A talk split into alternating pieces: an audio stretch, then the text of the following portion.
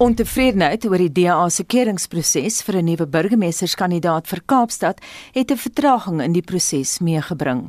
'n Onafhanklike ombudsman, Werner Horren, is nou uit partygeledere aangestel om 'n oogie oor sake te hou terwyl die drie kandidaate reeds vurig aan werk is om hulle geskiktheid vir die pos te bewys. Heinrich Weingart berig. Die nasionale DA-woordvoerder, Siviwe Gwarube sê Die uitstel van die proses en die aanstel van 'n ombudsman is genoodsaak deur die partye se verbintenis daartoe om 'n regverdige proses te verseker, juis oor die strategiese belangrikheid van die Kaapse Metro vir die partye. And so, due to the dispute that has been lodged by the regional executive in the city of Cape Town regarding the composition of the selection panel, we have decided to delay the interviews for the three candidates in order for us to have a proper interpretation of what the nomination regulations stipulate regarding who can and cannot form part of a selection panel. It's absolutely important that, again, the process is thorough, as I've stated, so that even the candidates themselves can be rest assured that, in fact, it has been looked at. Sy sê die oorspronklike keurpaneel wat nou 'n twispunt geword het, bestaan uit 10 lede van die federale uitvoerende raad en 5 bestuurslede elk van die provinsie en die Kaapse metrostreek. Hier verduidelik Kwarube waarom daar na Werner Hon as 'n onafhanklike ombudsman verwys word terwyl hy terselfdertyd 'n lid is van die DA se hoogste gesagstrukture, die Federale Uitvoerende Raad en die Federale Regskommissie. What makes Werner Horn an independent ombudsman is because he does not form part of the current selection panel and is somebody who is well versed on dealing with the interpretation of the, the party's constitution and related pieces um, of legislation as a member of the FLC. And so we've got full confidence in his ability to be able to adjudicate that process thoroughly. Sy sê daar was aanvanklik 5 kandidaate wat nou na 3 verminder is. Die proses bied met elke verkiesing 'n geleentheid vir ander kandidaate naas die dienende burgemeester wat ook aan die vereistes voldoen om hul name in die hoed te gooi. Ultimately, every single local government municipality, different candidates put their hats in the ring in order for them to be considered as a mayoral candidate. And that process remains open to anybody in the organization who meets the criteria. Plato kom te staan teen die DA se Weskaapse leier Bonginkosi Madikizela en die party se skadu minister vir finansies in die nasionale vergadering Jordan Hill Lewis. Madika Zela glo hy kan dienslewering in die Kaapse Metro verbeter wat volgens hom onder Plato se leierskap verswak het. We seem to be reversing the gains that we have made. I mean, simple things like maintaining, you know, infrastructure, like your potholes, uh, like your bulk infrastructure. You see what is happening in Minlatin Lagoon and a, a number of other areas where the infrastructure is no longer coping because the population is growing. I don't think we're maximizing our potential as a city. We can reprioritize with the available budget that we have. We are 54.4 billion rand city, and 9.6 billion rand of the of that is a capex budget. And surely, I mean, we can be able to address the areas, especially that are our uh, constitutional uh, responsibility, like your basic services. So. I mean, um, those are some of the things. And lastly, um, I am also worried, you know, with the intergovernmental relationship between the city and other spheres. And we kind of have a situation where there's an attitude of don't touch me in my studio when we want to collaborate and work together to deal with those challenges. Hill Lewis sê hy fokus nie op die huidige posbekleer nie. Hy bou sy veld tog op sy visie vir Kaapstad as 'n internasionale stad. This is not about Dan Plato, it's about the future of the city of Cape Town. We must push our ambitions and lift our gaze for Cape Town. Cape Town can be so much more, and it really should be an example to South Africa and to the world of a government that is a pushing the agenda to protect its residents and uh, be at the forefront. Guarube benadruk dat die DA tevrede is met die wyse waarop Plato tot nou sy rol vervul het. As a Democratic Alliance, we have full confidence in the current mayor's performance in the city of Cape Town. Dan Plato has traversed some choppy waters in the city and has taken over and has served as excellently as he can. Ultimately, though, the time comes for the organization to select new mayoral candidates, and uh, that is where we are with the process. Dit was die DA nasionale woordvoerder, Siviwe Gwarube. Den Plato self kon nie betyds vir kommentaar bereik word nie. Hendrik Weingart SAK nuus. Die politieke kommentator en oud LP Melanie Verwoerd sluit nou by ons aan om haar mening oor die verwikkelinge in die Kaapstad se DA geleedere met ons te deel. Goeiemôre Melanie. Goeiemôre Anita. Wat is jou reaksie op die DA se aanstelling van 'n ombudsman? Ag ek ek dink nie daar is mens hoef te veel daarin te lees nie. Die DA ehm um, dit is baie interessant om altyd te kyk hoe die DA se prosesse is. Hulle is baie prosedureel. Ehm um, en hulle um, hulle hulle volg 'n baie soortgelyke tipe proses wanneer hulle hulle kandidaate verkies ook wat gaan politieke kandidaate wat staan vir vir raadslede maar ook dan vir die parlemente. Ehm um, en en hulle is hulle is baie versigtig om dit baie korrek en so so veel as moontlik onafhanklik te kan doen en dit is duidelik dat hier nou 'n probleem. Dis natuurlik nie verbasend in enige politieke party nie en hulle het dit nou na hulle regspan um, verwys. Ek dink die storie van 'n onafhanklike ombudsman is deel van hulle proses wat beskikbaar is en ja, so ek dink nie mense hoef te veel hierin te lees nie. Dit is net maar net so 'n bietjie van 'n ongelukkigheid duidelik. Ehm um, wat vir my lyk of hulle dit binne die volgende week of so gaan uitsorteer. Wat leer 'n mens uit die onlangse leierskapstryde in die DA want daar was 'n paar hoë profiel stryde gewees en daar uh, is so 'n paar posisies in die DA waar daar nogal baie mag uh, en invloed is. Ja, ek meen, jy weet, dis weer eens dis politieke partye en waar daar mag is, gaan mense die posisies wil hê. Ek dink wat interessant is van hierdie een wat ons in die Weskaap sien nou, van die Weskaapse metropool veral, is dat ehm um, dis natuurlik 'n baie invloedryke posisie in die Weskaap maar dit is ook 'n uh, baie baie invloedryke posisie binne die DA want die, die Kaapse metropool bly natuurlik maar die vlagste projek van die DA. So as jy enige ambisie in die DA het, en veral as jy in die Weskaap afkom, gaan jy hierdie posisie wil hê. Ehm um, so ja, ek meen ek dink dis presies wat ons nou sien wat hier uitspeel. Jy weet dit dit gaan maar oor mag. Ehm um, ek dink daar's 'n ander uh, saak wat die, wat die uitspeel ook in die Weskaap en spesifiek in Kaapstad en dit kom baie duidelik uit jou inset en ek het eintlik 'n bietjie ge, gelag daaroor is dat almal is duidelik nie meer beïndruk met Dan, Dan Plato nie. Ehm um, hy is natuurlik kontroversieel het al 'n paar keer groot paar foute gemaak onlangs in Ocean View groot oorlog veroorsaak nadat hy kwaad geraak het vir 'n vir iemand wat vrae gevra het vir hom. Ehm um, en idee is natuurlik baie baie bekommerd dat hulle gaan baie steen verloor in landwyd Um, en ook in die Weskaap, daar's geen manier dat hulle die Weskaapse metropool sal verloor nie, maar hulle is bekommerd oor hulle dalende steen. So dis duidelik dan wat jy ook hier sien wat uitspeel. Melanie, dis nou interessant jy verwys na die feit dat die DA en jy gebruik die woord is baie prosedureel. Hoe hanteer die DA hierdie soort van ding anders as ander Suid-Afrikaanse politieke partye? Kyk, elke party het sy eie interne prosesse.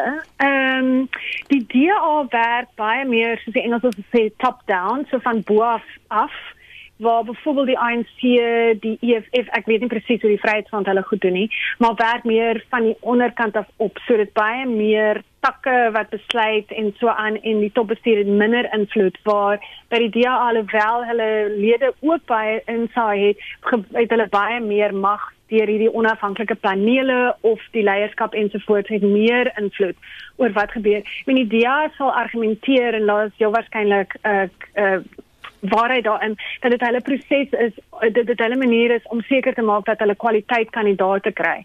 Ehm um, en jy weet ek meen mens dit dit sal seker nie altyd so uitwerk nie maar ek meen dis 'n baie dit is 'n dit is heeltemal 'n ander tipe proses as wat die ANC en byvoorbeeld die EFF volg. Kom ons kyk 'n bietjie na van die ander kandidaate. Jou mening hmm. oor Bonginkosi Madikizela, hy is die provinsiale leier van die party. Hy is lid van die provinsiale kabinet daar daar in Walstraat se omgewing. Nou wil hy hmm. af afskuif verder af na die burgersentrum toe. Dink jy dit gaan nou oor dat hy die burgemeester wil wees of gaan dit dan soos jy vroeër gesê het oor die invloedryke posisie wat dit is? Ja, wel die twee gaan natuurlik saam, jy weet. Ek weet die interessante ding is hy is 'n ALR op die oomblik. Ehm um, so hy het 'n redelike invloedryke posisie reeds, maar as jy byvoorbeeld net kyk na die verskil in die twee begrotings, die posisie wat hy op die oomblik het, het 'n begroting van omtrent 7.5 miljard rand, waar die ehm um, Kaapse metropool, soos jy gehoor het in daai inset ook sin is amper 5 uh, 54.5 miljard rand. So amper 7 keer meer geld wat hy gaan hê om mee te kan werk. Ek meen natuurlik is deel van 'n raad, maar dis natuurlik 'n uitvoerende burgemeester. So ek is nie verbaas dat hy, jy weet, afgesien ook van die invloedrykheid van die posisie in die politieke domein dat hy graag eerder daar wil wees nie. Ehm um, daar is gerugte in die DA dat hy dat daar ooreenkomste was tussen die leierskap van die DA en homself dat as hy sou terugstaan tydens die leierskapstryd met John Steenhuisen dat hulle um, vir hom hierdie posisie sal gee in ruil. So ons moet nou maar kyk hoe dit uitspeel en of dit wel waar was. Ek dink een vraag vir die DA miskien in hulle agterkant van hulle kop sal hê is is wel twee vrae moontlik. Hy is ook maar bietjie kontroversieel en toe hy al die R was vir uh, behuising, was daar allerlei probleme gewees. Ehm um, en ons steeds goed wat soort van terugkom van daai tyd af, meer in terme van dat mense gevoel het goed word nie regverdiglik, jy besluite byvoorbeeld voordeel nie al die gemeenskappe geregverdiglik nie. Ehm um, maar die ander vraag wat hulle sal hê en ek dit gaan eintlik saam daarmee is of hoe hy sal afgaan met die breinkiesers in die metropool en hulle maak natuurlik meer as 40 as 'n blok maak hulle meer as 40% van die kiesers uit in die Kaapse metropool. So hulle sal wel met daai vraag moet vra aan hulle self en seker maak dat hulle, jy weet, rustig is daaroor. En hoeveel steun het hulle onder daai kiesers? 'n baie, ek meen die Weskaapse, hulle het ek weet nie presies onder daai kiezer self nie, maar hulle het altesaam in die Weskaap so hulle moes 'n groot blok daarvan gekry het. In die vorige plaaslike regeringsverkiesing het hulle amper 67% van die steun in die Kaapse metropool gekry wat geweldig hoog is. Mhm. Ehm um, so so hulle het hulle het 'n hulle moes 'n baie baie groot blok van daai steen moes hulle gekry het. Maar natuurlik nou intussen het Patricia de Lille uitgegaan, die Good Party is daar. Ehm um, daar is ongelukkigheid oor die DA oor die algemeen ook onder wit kiesers, maar uh, ek moet sê, jy weet ek uh, wanneer dit kom by kiestyd, weet ek dat die meerderheid mense in Kaapstad sal weer vir die DA stem, juis omdat hulle redelik tevrede is met die manier wat die DA die Wes-Kaap spesifiek die Kaapse metropool ehm um, hanteer. Maar Ikizela het nou ook gesê hy het ten velde getrek teen dienslewering onder Dan Plato. Ons hmm. woon nou nie daar onder in die Kaap nie, ons is hierbo. Wat dink jy van dienslewering in die moederstad oor die algemeen? Ek het twee twee daar was dit altyd in ons land is daar twee scenario's. Jy weet, die wat en die bevoordeelde of die bevoorregte die areas bly die middelklasse en op ek dink dit gaan baie goed in die Weskaap. Ek dink dat daar in die Kaapse metropool nie dieselfde tipe probleme is as wat daar in baie ander van die metropool metropoolse areas is in die res van die land nie. Jy weet, hy noem nou potholes, maar ek Kaapse baie vergelyk met byvoorbeeld Sandton, so jy weet, dit is heeltemal 'n ander storie. Ehm, um, maar natuurlik onder die arme gemeenskappe is daar 'n geweldige geweldige groot probleem. Ehm um, die Kaapse metropool glo groei natuurlik nog konstant ehm um, en redelik vinnig. Ek dink van die twee sensus van 2011 tot die volgende een het dit met amper 30% gegroei en baie daarvan kom natuurlik deur mense wat van die Oos-Kaap en Tshwane inkom en daai areas het, het baie baie groot probleme nog, baie groot probleme. En dit is deel van uh, wat ek gesê dat 'n verantwoordelikheid daardie behuising natuurlik. Reg, dis nie jou behuising en natuurlik algemene dienslewering ook. En ons soos jy sal bewus wees het ons onlangs baie baie groot ehm um, optogte gehad en en onderste gehad op die N2 wat by die groot townships is in in in die Weskaap. Dan 'n interessante ver, eh, ver, verwikkeling is dat hier 'n buiteperd en jy het nou so mm. gepraat van die rasdinamika vroeër. Die mm. parlementslid Jordan Hill Lewis is 'n verrassende ja. stap het hy nou ook sy naam in die hoed gegooi. Wat is die kans vir hom? Ja, miskien ek ben ek het ook van van ek bietjie verbaas, maar as jy nou weer eens dink hoe invloedryk dit is en as jy nou dink as mens wel ambisie is wat Gordon Hill Lewis duidelik ook het, ehm um, jy weet dan gaan 'n mens definitief as jy van die Weskaap of kom hierdie posisie wil hê. Hy is baie jonk. Ek meen hy's net 34 jaar oud, maar verbaasend al vir amper 11 jaar lank in die nasionale parlement. So hy's baie baie ervare in daai opsig. Hy het nie um, eintlik plaaslike regering ondervinding nie. Ehm um, maar hy het 'n baie goeie begrip van finansies want hy was nog altyd op op ek dink omtrent al die tyd was hy op die parlementêre komitee van finansies in die parlement maar hmm. en ook natuurlik die uit uh, die woordvoerder van die uh, eh, DA oor finansies. So hy het 'n goeie begrip van finansies wat natuurlik baie belangrik is veral in plaaslike regering. Volgens gerugte het hy die ondersteuning van Helen Zille en John Steenhuisen. Ek weet nie of dit waar is nie, maar ek weet wel dat hy baie naby aan hulle is. So dit gaan 'n baie interessante stryd hierdie raak. Wat is die kans dat 'n kandidaat soos hy dalk die adjunk word? Ja, dis 'n interessante vraag moontlik. Ek weet nie of dit is of dit vir hom aanloklik sal wees nie. Jy weet, hmm. ek dink dan raak dit miskien nie heeltemal so aanloklik ehm um, as hy dit moet opweeg teen waar hy nou is nie. Ehm um, so ja, ek ek weet nie. Ek meen ek dink dis dis moontlik, maar hy sal dalk jou waarskynlik dan eerder nog sy kans afwag vir die toekoms. Baie dankie en so sê Melanie Verwoerd, 'n politieke kommentator en voormalige ANC LP. 26 minute oor 7. Die ANC se nasionale jeugliga taakspan eis dat die nasionale uitvoerende komiteelede, Tony Yengeni en Enoch Godongwana, gedissiplineer moet word. Die taakspan het sy resolusies van die afgelope naweek se eerste amptelike vergadering met die media gedeel. Hulle is 6 maande lank deur die moederliggaam gegeen toe nou om 'n nasionale ANC jeugliga konferensie te hou, maar 'n geldtekort en 'n gestoei oor ouderdomskwessies is struikelblokke op die weg soontoe. Heinrich Weingart berig. Die aandrang daarop dat die Ngeni en Godongwana gedissiplineer moet word, sprei daaruit dat hulle glo die verrigtinge van die laaste ANC en die K vergadering na buite gelek het deur klankopnames wat op sosiale media beland het. Die sameroeper van die taakspan, Joy Maimela, sê hulle is 'n eenheidssoekende struktuur en sal daarom nie toesien dat die ANC deur faksiegevegte uitmekaar geskeur word nie. We are happy that the ANC president agreed with us that the quality of debates in the NEC meetings of the ANC has deteriorated. And he has agreed that and also committed that all NEC members will go to a political school. And that Comrade Kotongwani and Comrade Tony Ngeni must be taken to the disciplinary committee of the ANC for their ill discipline and appalling conduct. We urge all members and leaders of the ANC at all levels to place the well-being and transformation of lives of the disenfranchised people of South Africa above their own personal interests. Die taakspan sal sy werk begin deur 'n assessering te doen van die laer strukture van die jeugliga. Die verval het glo begin nadat Julius Malema, nou leier van die EFF, in 2013 uit die liga geskort is en die leierskap afgedank is. Die ouderdomskwessie was sedertdien 'n warm besprekingspunt en nou sal 'n audit gedoen word om te bepaal hoeveel van die lede is ouer as 35 jaar. Maimela verduidelik die stap. We we saw it fit to firstly appoint a working committee that will then accept the handover report and not only accept it but process it. So there is going to be an assessment that is going to be made uh, on our structures.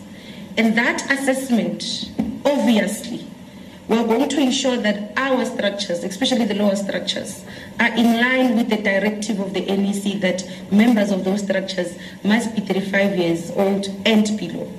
We're going to ensure that aspect is featured when we then start the process of rebuilding. Selfs lede van die taakspan se ouderdomme is egter onder verdenking. Die ANC se nasionale woordvoerder Polemabe sê diegene wat bewyse het dat die lede nie jonger as 36 jaar oud is nie, moet na vore kom daarmee. We gave that task to the national officials to work with provinces to make sure that uh, from the different provinces uh, those young men and women could then be brought in to constitute uh, the structure that we now know. If there are issues that are being raised about uh, ages of cadres that might be constituting the NYTT, those that have such evidence are welcomed to uh, engage with the Office of the Secretary General. Die taakspan sal nou sy eie en die jeugliga se regsposisie laat bepaal. Hulle beplan ook om onder meer met kabinetslede te vergader wie hulle glo 'n rol in jeugbemagtiging te speel het. Busi Chimombe het hierdie verslag saamgestel. Heinrich Weingart, SAK nuus. Is die wat sê die mense alles oor hulle diere? Gustaf luister net hierdie storie. Sanet skryf vir ons. Ons het Wiki die Schnauzer en sy is ons terapeut met die portefeulje emosies by ons skool en leesentrum in Brackenfell sy sê sy dra klere met al die bling, klokkies, juwele, strikkies en halsbandjies. Wiki is hoogs intelligent en sy verstaan Afrikaans, Engels en Duits. Sy neem kinders kantoor toe vir assesserings, sy wys die skool vir ouers en sy ken elke kind. Sy waak oor ons kinders en is 'n trooster en dit sal ondenkbaar wees sonder Wiki by ons skool. En Lorraine van die Weskus skryf ek het 'n gemmerkat, sy naam is Jamie Oliver en ek het hom gekry waar ek by 'n college professionele kookkuns doseer. Hy is nou 13 jaar oud. Hy bestuur my huis en my hart en ek kry steeds 'n muis geskenk elke dan en wan. Hy is ook my heel beste vriend. En Elsa sê vir ons, as jy wil trou, kyk eers of jou aanstaande van diere hou, indien nie, hou verby. En dan sê 'n luisteraar vir ons, ek is 'n vrou van 74 en my laaste twee honde is hierdie jaar in Februarie en Maart dood weens ouderdom. Ek verlang vreeslik baie na hulle en in die stadium is dit net nie moontlik vir my om weer 'n hondjie te bekostig nie. Hulle het altyd geweet wanneer ek hartseer is en my kom troos. Ons wil vandag by jou weet, het jy dalk opgemerk dat jou diere, jou of jou kinders se gevoel van eensaamheid of jou stresvlakke verminder, veral ook tydens die pandemie? En vertel vir ons watter rol jou diere in jou of jou kinders se lewens speel. En dit is nou 'n aanleiding van 'n nuwe Amerikaanse studie wat aangetoon het diere help om 'n gevoel van eensaamheid en stres te verminder. Stuur vir ons 'n SMS by 45889. Onthou dit kos R1.50. Gesels saam op ons Facebookblad blad by facebook.com vorentoe skynstreep ZARSG of WhatsApp vir ons stemnota na 076 536 6961. Dis nou 25 minute voor 8 uur by Monitor en in Minnesota in Amerika was daar weer betogings teen 'n polisiegeweld teen swart landsburgers daar het volg op die dood van die 20-jarige Dante Wright wat deur 'n polisievrou in die stad Brooklyn Center doodgeskiet is. Marlene Forsie is hier môre. Môre Gustav, die voorval het oor die naweek gebeur en videomateriaal wat deur die polisie gedeel is, toon dat Wright afgetrek is waarna hy probeer om te ontsnap en dan misgis die polisiebeampte Kim Potter na bewering haar geweer as pepersproei. Sy werk nou reeds 26 jaar lank by die polisie diens en die polisiehoof Tim Gannon het die media toegespreek. It is my belief that the officer had the intention to deploy their taser, but instead shot Mr. Wright with a single bullet. President Joe Biden vra dat vrede gehandhaaf word en hy sê hy gaan kommentaar weerhou totdat die ondersoek afgehandel is. Maar in dieselfde deelstaat begin die verdediging in die Derek Chauvin moordsaak vandag in Minneapolis.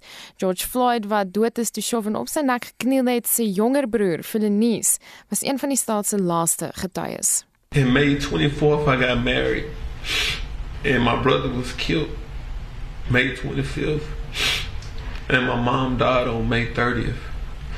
It's like a, a bittersweet month because I'm supposed to be happy when that month comes.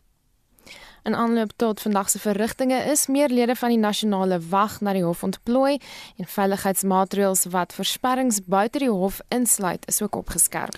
En dan na Europa en Frankryk is kort binnelandse vlugte moontlik binnekort iets van die verlede.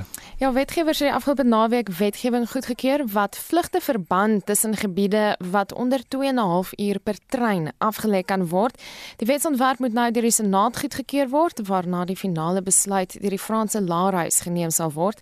Die voorgestelde wetgewing vorm deel van die land se doelwit om koolstofdioksied emissies teen 2030 met 40% te verminder. Nou wel verskeie aktiviste glo dat die stap steeds nie genoeg is nie, is al diegene in die regering soos François Pupponi wat glo die stap is oordrewe. Ah vous. I think this method is not the right one. The environmental choice must take precedence. But let's not abandon the social and economic choices around industry and around airports. The two are complementary. 'n Verslag wat deur die VN bekend gestel is, toon intussen dat 1% van die wêreld se rykste mense gesamentlik bydra tot meer koolstofdioksied emissies as 50% van die wêreld se armste gemeenskappe en hulle vra nou dat die wêreld se rykes hulle leefwyse aanpas om klimaatsverandering te help by die horingspak. Nou wat COVID-19 betref, het alle Britte bo 50 en diegene wat meer vatbaar is vir die virus, hulle eerste dosis enstof ontvang. En dit beteken dat die regering daarin geslaag het om die top 9 prioriteitsgroepe in die land in te ent teen die 15de April. En minstens 32 miljoen mense in Brittanje het hul eerste dosis ontvang en die regering poog nou om alle volwassenes teen die einde van Julie in te ent. President Cyril Ramaphosa het intussen gister tydens 'n konferensie oor die vervaardiging van enstof gesê, die vestiging van beter vervaardigingsvermoëns sal die kontinent vinniger op herstelkoers bring. Our task now is to harness all these capabilities and to draw on the experience of the past year to build a vibrant and innovative African medical supplies manufacturing capability that meets the health needs of the continent's people. In the medium term, we need to expand existing capabilities into regional hubs that serve the continent as a whole. En dit was president Cyril Ramaphosa. Ons het gister hieroor gepraat met uh, Leon van Nier op die Suid-Afrikaanse dokumentêre rolprent My Octopus Teacher, plaas die wêreld se aandag nou op die bewaring van kelpwoude aan die kus van Afrika. Ja, nadat die dokumentêre BAFTA-toekenning ontvang het vir die Sea Change Project in Kaapstad se pleidooi om die gebied waarin die rolprent vervaardig is te bewaar, internasionaal aangehoor. Dit word beskryf as een van die wêreld se rykste ekosisteme en een van die program se mede-vervaardigers, Swati Tyagarajan, sê dit herdoop na die groot Afrika seewoud. If we want to do any kind of long term conservation of this ecosystem, we need to make people aware of it first. When you think wild, you think Serengeti, Mara, Great Barrier Reef. So we want that kind of romanticism and imagination attached to the kelp forest. En is dan 'n uittreksel daarvan 'n storie wat op BBC se webtuiste verskyn oor hierdie ehm um, storie en verwikkelinge. En dit was Swati Tyagarajan, 'n mede-vervaardiger van die dokumentêr My Octopus Teacher. Marlene Forsie met volgens se wêreldnuus gebeure. Terug in Suid-Afrika en moontlik die eerste van sy soort, versekerde aapreservaat op Plettenberg Bay in die Suid-Kaap dat die diere en hulle sorg die grond waarop hulle woon besit. Monkeyland is op eiendom wat aan 'n maatskappy behoort geleë, maar die welstand van die diere is die verantwoordelikheid van 'n nuwensgewende organisasie, the South African Animal Sanctuaries Alliance. Monkeyland het 'n koop 'n vierkante meter grond vir apeveldtog van stapel gestuur om die eiendom vir sy inwoners te bekom. Tanya Krause het meer Die COVID-19 pandemie was 'n rooi vlag dat die toekoms van die ape by Monkeyland onseker is. SASSA se bemarkingsbestuurder Lara Mostert sê hulle sorg vir 5000 diere en sonder inkomste van toerisme gedurende die staat van inperking moes die uitvoerende hoof aandeelhouers nader vir hulp. Imagine jy moet 600 000 rand ophoes vir kos vir diere elke maand. So en ehm um, sy kollegas, jy weet die ouens wat hy die, die projekte mee begin het oorspronklik. Hulle het almal vreeslik vinnig hulle hande in hulle beursies gedruk. Maar van die mense wat hy mee oorspronklik die besigheid begin het, is al oorlede en hulle kleinkinders wou niks te doen hê met hierdie saak nie. Om te verseker dat toekomstige aandeelhouers nie die eiendom vir iets anders kan ontwikkel nie, is die koop 'n vierkante meter grond vir Apeveld tog van stapel gestuur. Die stigter en uitvoerende hoof van Monkeyland, Tony Blighnou, sê die publiek kan nou help om die 216 000 vierkante meter eiendom vir die ape te bekom. The landowning company gave us a bond to tide us over till we raise the money, which we are busy doing now. We're doing it through social media and any way we can, and, and it's doing very well. People are buying square meters. It only costs 90 Rand to buy a square meter for the monkeys. And that's progressing at a rapid rate. So that's where we are now. It's the first ever land ownership deal for animals.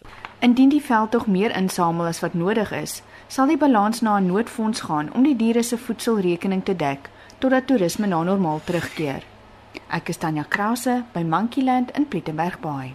18 minute voor 8 en ons het onlangs hier op monitor berig oor die toestand van die land se paaie en ook met 'n ingenieur gepraat oor die korrekte manier om hoe 'n slaggat reg te maak. Ons is oorval met stories van luisteraars wat in baie gevalle self begin het om hierdie slaggate te vul. Nou vandag fokus ons weer op so 'n inisiatief deur inwoners van die Rodepoort se buurt Weltevreden Park in Gauteng. Ons praat hieroor met die adjunkvoorsitter van die Panorama Inwonersvereniging Michael Stein. Môre Michael. Goeiemôre Anita. Hoe het julle die inisiatief begin? Anita, een van die dinge wat ons gekyk het is uh, ons het gekyk na die toestand van ons paaie en uh, goed wat deur die council gedoen word. En uh, as eienaars het ons het besluit dis uh, tyd dat ons self inspring en begin regmaak uh, want baie min van dit word ge, uh, gedoen in ons area. En hoeveel van die inwoners daar sit nou aan by? Uh Gustaf, die projek word deur die uh huiseienaarsvereniging uh um gedoen. Uh ons het op die oomblik so 500 residente wat ehm um, deel is daarvan en uh aan die einde van die dag het ons ook baie van die maatskappye, sekuriteitsmaatskappye wat saam met ons werk om seker te maak uh die slaggate word reggemaak. Het julle ou ingenieurs in die gebied wat help? Afgetrede ingenieurs en so. Ehm um, Anita ons het um, gepraat met hulle, hulle was betrokke gewees net om te sê luister, dis die manier hoe om dit gedoen te uh, om te dit te doen. Uh so ja, ons het uh gekonsulteer met hulle. En daar daarvan gepraat, watter riglyne volg julle dan nou om daai slaggate reg te maak? Wel, eerstens ek dink die belangrikste is uh die skoonmaak daarvan. Uh, baie van die kere word die gate nie behoorlik eers skoon gemaak nie. So skoonmaak is definitief een van dit. Uh ons koop actually ehm um, die sakke wat klaar teer is, uh en dan gebruik ons dit met warm en koud, soos 'n koue teer, maar dan sit ons hitte by dit om dit goed in uh in te smelt. So julle aanvanklike doelwit hier was nou 80 slaggate om dit reg te maak. Hoeveel het julle reeds reg gemaak? Korrek. So ons het die 80 bereik. Uh, die eerste dag het ons dit al bereik. Uh, ons het amper amper 'n ton uh, teer gebruik in die eerste oggend en op die oomblik is dit nou net uh, voortgaan en maintain. Ehm um, wat ons moet handhaaf daarso. Michael, wat kos hierdie spulletjie julle? Dit het ons eerste inisiatief het ons net so oor die R4000 al gekos. Ehm um, ons En ja, en die enige dag kyk ons so 5 uh, R50 vir 'n sak teer van 'n 50 kg sak. Ehm um, so ja, dit dit maar net handhaf. Dis dit al daai fondse kom direk uit ons uh, verenigings uh, fondse uit. En is ook nie net slaggate wat jy regmaak nie. Dit is nie nee. So ons op die oomblik hanteer baie van die projekte wat deur ons uh, stadsraad gehandhaaf moet word. Uh ons het op die oomblik ehm um, die uh, afleifore wat skoon gemaak word en dit is ook betrokke met ander firmas. Uh paaie gras wat gesny word, parkies wat skoon gemaak word. So is baie van die goed wat ons doen wat ons stadsraad moet doen wat op die oomblik weer ons gedoen word. Mm, nou betaal julle nog belasting ook. Watter effek het hierdie projek gehad op moreel in Weltevreden Park, Michael? Luister, ek dink dit word uh, ek dink ons twee dele daarvan. Dit word as 'n positief en 'n negatief gesien. Ek dink die negatiewe kant is presies soos jy gesê het. Mense betaal nog steeds vir dit om gedoen te word, maar dit word nie gedoen nie. Maar in dieselfde sin kan mense ook sien die die verskil wat gemaak word en uh 'n verbetering van jou omgewing. Ek dink dis die belangrikste. Ehm um, waar mense kan sien die dit word verbeter. Michael baie dankie. Hy is die adjunk voorsitter van die Panorama Inwonersvereniging. Michael Stein vanoggend hier op monitor waar dit nou 14 minute voor 8uur is en die Rietvlei Natuurreservaat in Pretoria hierdie geboorte van 'n wit renoster kalfie verwelkom.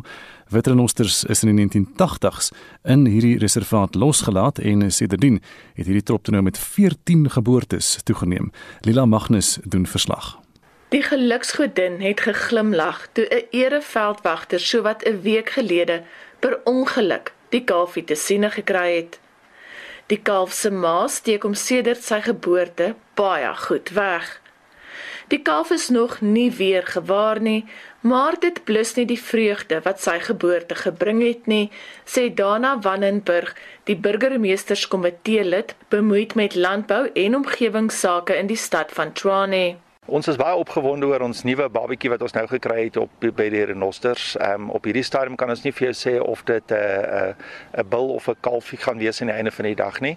Maar wat nou hier gebeur, ehm um, ek dink dit is 'n lang tyd dat ons nou weer gewag het dat die renosters so kan kalf hier by ons. Op hierdie stadium is die maakoei baie beskermend oor die kalfie en ons kan nie nou by die kalfie uitkom nie. Dis ook vir ons beter dat die toeriste ook nie nou daar pla en onsself nie dat die kalfie eers mooi sterk en gesond kan wees.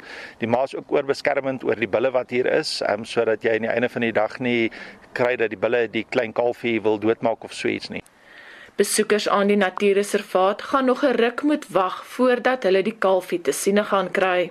Die meeste van die renosters wat ons het in Rietvlei op hierdie stadium loop rond, die publiek kan na hulle kyk en kom sien wat hier aangaan, maar ek dink ons is baie trots op hierdie nuwe babatjie en sodra sy meer uit die bos uit gaan kom en nie meer so beskermend gaan wees nie, dink ek gaan dit 'n baie groot aantrekkingskrag wees vir Rietvlei weer. Die renosters by die Rietvlei Natuurreservaat se horings word jaarliks of soos benodig verwyder vir hul eie veiligheid.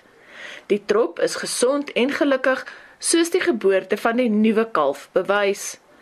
Wannenburg sê omdat die getalle so mooi aangroei, moet hulle nou van die renosters verwyder. Op hierdie stadium het ons ook nou 'n projek waar ons omtrent van 5 renosters moet hervestig in ander natuurreservate. So ons moet die die die die trop aan die einde van die dag kan ons nie te groot maak nie, veral die bulle beklei baie onder mekaar. So daai is 'n belangrike ding dat ons dan die bulle dan ook weer uitstuur na ander natuurreservate waar hulle ook nuwe bloed nodig het, as ek dit so kan stel. Jean Rieweideman, 'n natuurbewaarder by Rietvlei Natuurreservaat, sê die hervestiging van die ekstra renosters na ander parke help om die spesies te bewaar omdat die diere nie vinnig aanteel nie. Die aanteeling van renosters is baie goed. Um weens obviously ons het baie probleme oor Suid-Afrika met poaching of of stropery. So as daar 'n nuwe kalfie gebore word, dis nie gebeur nie elke jaar nie. Dit is seker elke 3 jaar hier op Red Vleis dat die ma sal elke 3 jaar sal sy 'n kalfie hê. So dis nie vinnig nie. So dis nie asof jy hulle in 2 weke kan aanteel nie. So dis baie goed en as ons nou van hierdie renosters kan afskuif na ander areas toe, is dit goed vir die bloedlyne ook. Dan die inteling plaasvind tussen ander areas en dan kan ons dalk ook nuwe bloed aankry. Die nuwe kalfie is salig onbewus van die opwinding wat sy geboorte veroorsaak het en besoekers aan die natuurreservaat kan maar net hoop dat die geluksgodin vir hulle ook sal glimlag sodat hulle die kalf in die nabye toekoms kan sien. Ek is Lila Magnus vir SAIK nuus in Pretoria. Nou natuurbewaringsamptenare in die Tshwane Metro het intussen vasgestel dat hierdie wit renosterkalf 'n bulletjie is en sy naam gaan Alpha wees. Dis 10 minute voor 8. 'n Jong man van Kimberley in die Noord-Kaap het 'n passie vir bak te midde van die hoë werkloosheidssyfer onder die land se jeug. Sylvester Serape het in 2016 sy Silva Star bakkery begin. Sedertdien het die sakeonderneming gegroei en skep deesdae werk vir ander jong mense uit arm gemeenskappe. Vincent Mofokeng doen verslag. Serape en sy vier bakkers bak gemmerkoekies en ander lekker bakgoed wat by plaaslike snoepwinkels en groothandelaars in Kimberley afgelewer word. Serape sê hy het nie sy universiteitsstudies voltooi nie en het geweet dat dit 'n moeilike taak gaan wees om 'n werk met 'n ordentlike salaris te vind. Hy het toe in 2016 aansoek gedoen vir befondsing van die Nasionale Jeugontwikkelingsfonds om sy passie vir bak te volg. Because I always had passion for business and my mother was also someone that was in business, then uh, yes, I was I was just encouraged to rather start my own business. Then that's how I started because of not finding a job at the time. Serape se bakkery het werk vir ander jong mense geskep. Een van hulle is John Marie Choimba. Sy sê daar is groot potensiaal vir persoonlike en finansiële groei in die bakbedryf. I've been here for about two years. It's a business that is run by someone who is still in their youth. So I think I see potential for growth. So it means that even for myself in the near future, it's going to be much better if I worked here because the business is growing. 'n Plaaslike belegger het in Serape se besigheid belê. Serape sê hy is dankbaar vir die ondersteuning wat hy van inwoners en plaaslike sakeondernemings ontvang. Main market at this point in time is uh, wholesalers, but the biggest customers of ours is the tuck shops because you find that there are so many tuck shops. You find that in Kimberley alone, you might find that there's over 3,000 tuck shops. So um, mainly we supply the wholesalers and then the retailers as well. Then we have the tuck shops and then the cash and carries and then uh, obviously the, the direct market. And then another market we're looking into, into is the funeral sector. Serape se doel is om sy sakeonderneming uit te brei na ander provinsies en ook internasionaal. Die verslag van Motlalepule Morake in Kimberley. Ek is Vincent Mufokeng vir SAI Garnis. Is die vir oulaas terugvoer. Ja, kom ons luister eers na wat twee van ons luisteraars sê. Dis Tesha Mentjies hierso van Port Elizabeth. 2 weke voor Grendeltyd, toe het my dogter eh, 'n uh, katjie gekry in 'n besige straat. Sy het die kat probeer vang, toe spring in haar in haar engine in. Sy het 8 km met hom gery en sy het geweet ek wil 'n kat hê en toe sy nou uiteindelik die kat uithaal. Toe sê sy maak dit vir jou kat. Die kat het by my en my man gebly En dit was absoluut terapie vir ons gewees tussen toe dit absolute lockdown was. En ons het ons het haar so geniet. Haar naam is Minkie en sy is 'n regte alley cat, maar sy is my man se groot liefde en hy was nooit lief vir katte nie. Geraldine Stellenbos. Ek het twee jockeys en ek geniet hulle terdee. Hulle slaap by ons in die bed en ek kan nie wag in die middag om by hulle uit te kom nie. Baie dankie vir jou terugvoer vanoggend. Marlene is hier. Wat is alles op die dagboek vir Spectrum om 12:00? Die begin van Ramadan is aangekondig en AfriForum sê dit span regslui opdrag gegee om 'n aansoek in te dien vir inligting oor die regering se proses om COVID-19 en stof te verkry. En hulle gaan dit doen ingevolge die wet op die bevordering van toegang tot inligting en statistieke Suid-Afrika maak vandag syfers bekend wat die mynbouproduksie en verkope vir Februarie betref. Onthou Spectrum tussen 12 en 1 vanmiddag op RSG. En so kom ons aan die einde van vandag se monitor. Onthou vorige uitsendings van monitor monitor en vandag se uitsending ook is op RSG se webblad as 'n potgooi beskikbaar. Gaan dit na rsg.co.za. Vandag sins ons effens later gelaai wees. Die 2 ure word afsonderlik gelaai. Nou ons groet dan namens ons waarnemende uitvoerende regisseur Wessel Pretorius. Ons redakteur vanoggend was Jean Estreisen en ons produksieregisseur is Daitrin Godfrey. Monitor is terug môreoggend om 6. Ek is Gustaf Vreiling en Anita Visser is nou reg met die 8 uur nuus en is volgende.